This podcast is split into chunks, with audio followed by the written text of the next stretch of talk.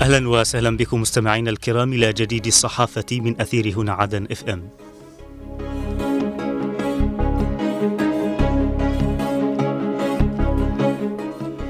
البداية من موقع المجلس الانتقالي ومنه نقرأ الرئيس الزبيدي يهنئ أمير دولة الكويت بالعيد الوطني لبلاده. الجمعية الوطنية تطلع على أوضاع الزراعة بساحل حضرموت.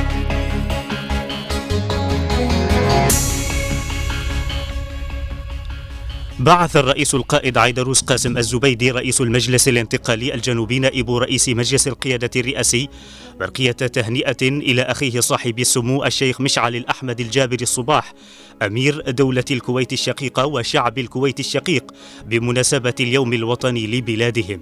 وفي هذه المناسبة الغالية قال الرئيس الزبيدي إننا نتذكر بإجلال وعظيم الامتنان ما قدمته دولة الكويت لبلادنا في مختلف المجالات والظروف من منطلق عروبي أخوي وإنساني نبيل ما جعل لها مكانة خاصة في قلوب ووجدان جميع أبناء شعبنا. التقى رئيس الجمعية الوطنية للمجلس الانتقالي الجنوبي علي الكثير المدير العام لمكتب وزارة الزراعة والري في ساحل حضرموت عبد الله عوض العوبثاني. أكد الكثير على اهتمام قيادة المجلس الانتقالي بالقطاع الزراعي مشددا على ضرورة الاستفادة القصوى من كل الإمكانات المتوفرة ومضاعفة الجهود للنهوض بالقطاع الزراعي في المحافظة.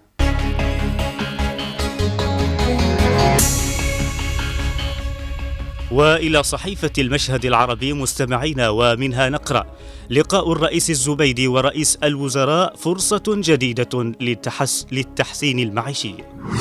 أوستن يحذر الحوثيين أنهم سيتحملون عواقب هجماتهم.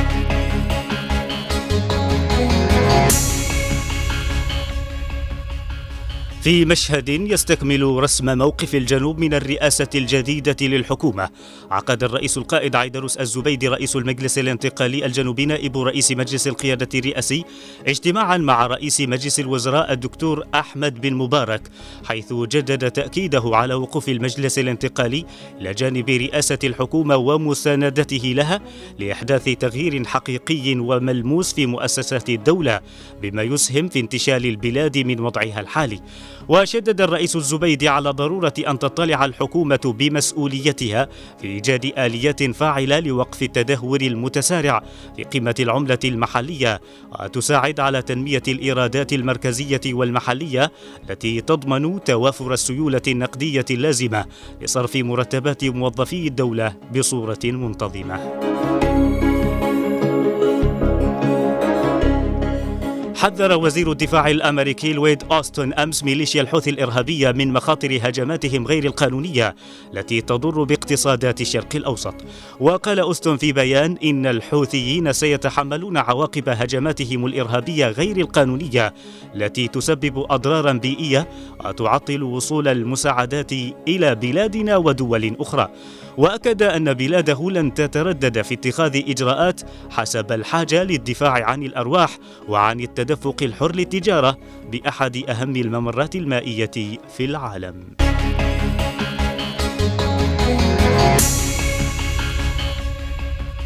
وإلى موقع عدن الإخبارية مستمعين ومنه نقرأ. نقابة الصرافين الجنوبيين تحذر شبكة الحوالات الموحدة.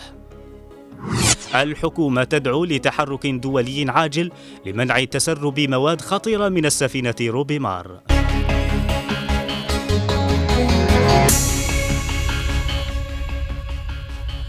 حذرت نقابة الصرافين الجنوبيين أمس في بيان لها نشرته في موقعها الرسمي في فيسبوك من شبكة الحوالات الموحدة التي تخطط إدارة البنك المركزي لفرضها حسب وصفها.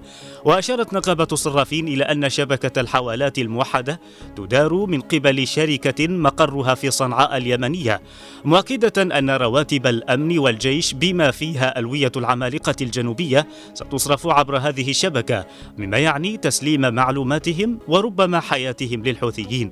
وأكدت النقابة الجنوبية في ختام بيانها مواصلتها نشر البيانات والإيضاحات إبراء للذمة أمام الله والشعب محذرة من تفجر ثورة الجياع إذا لم يتم اتخاذ خطوات عاجلة لمعالجة الأزمة الاقتصادية في البلاد. طالبت رئاسة الحكومة بتحرك دولي عاجل لمنع تسرب مواد خطرة تحملها سفينة في عرض البحر استهدفتها جماعة الحوثي المصنفة إرهابيا وباتت مهددة بالغرق معلنة تشكيل لجنة طوارئ بهذا الخصوص. ودعت الحكومة في بيان صحفي كافة الدول والمنظمات والهيئات المعنية بالحفاظ على البيئة البحرية لسرعة التعامل مع السفينة روبي مار ومنع تسرب المواد الخطرة الخطرة التي تحملها في المياه الإقليمية مؤكدة أن السفينة تحمل كميات كبيرة من مادة الأومنيا والزيوت.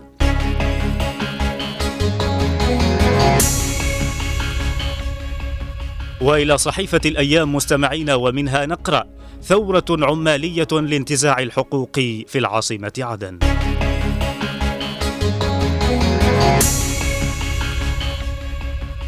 وجه رئيس الاتحاد العام لنقابات عمال الجنوب سامي خيران تصريحا صحفيا لعمال وعاملات الجنوب قبل يوم واحد مما اطلقوا عليه بالوقفة الاحتجاجية الكبرى الثورة العمالية والتي من المقرر أن تنفذ غدا أمام قصر معاشيق في تمام الساعة التاسعة صباحا.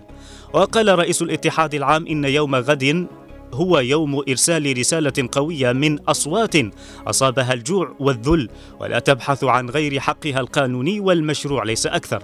وأشار سامي إلى أن الحقوق التي يطالب بها العمال ليس لها أي توجه سياسي وهذا واضح من خلال قائمة المطالب المقدمة وكلها تخص العامل واحتياجاته الضرورية.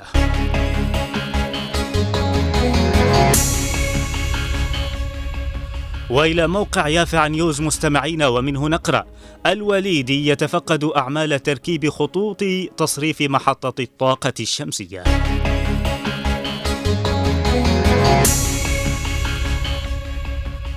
تفقد مدير عام مؤسسة كهرباء عدن سالم الوليد سير الأعمال الجارية لاستكمال تركيب خطوط تصريف وتوزيع الطاقة الكهربائية الخاصة بمحطة الطاقة الشمسية 120 ميجا ذلك خلال زيارة قام بها يوم أمس لموقع المحطة في منطقة بئر أحمد في منطقة بئر أحمد. وشدد الوليدي على أهمية تكثيف ومضاعفة الجهود لاستكمال أعمال التركيبات لتحضير المحطة للدخول جزئيا وكليا للخدمة وفق البرنامج الزمني المتفق عليه للمساهمة في تعزيز الطاقة التوليدية لمجابهة الطلب على الطاقة خلال شهر رمضان الفضيل وفصل الصيف.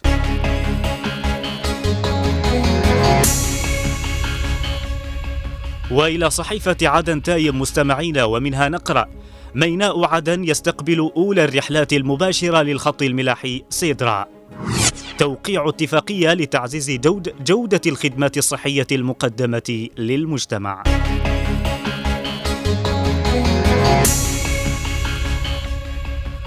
استقبلت محطة الحاويات بميناء عدن يوم الجمعة السفينة سيدرا أحلام في تدشين الرحلات المباشرة للخط الملاحي التركي سيدرا إلى الميناء.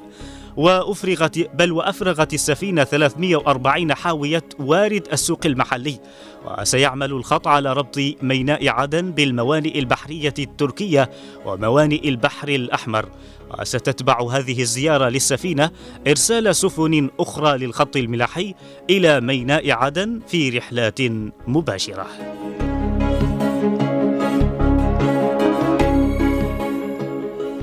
ومن وكالة الأنباء الفلسطينية نقرأ ثلاثة شهداء في قصف للاحتلال على مدينة غزة.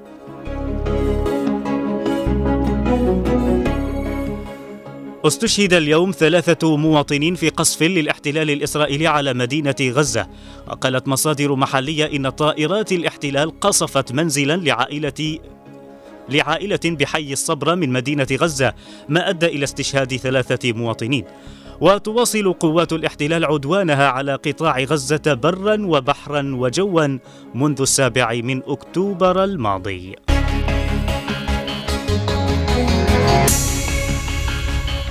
إلى هنا نصل وإياكم مستمعينا الكرام إلى ختام هذه الجولة الصحفية من برنامج زاوية الصحافة.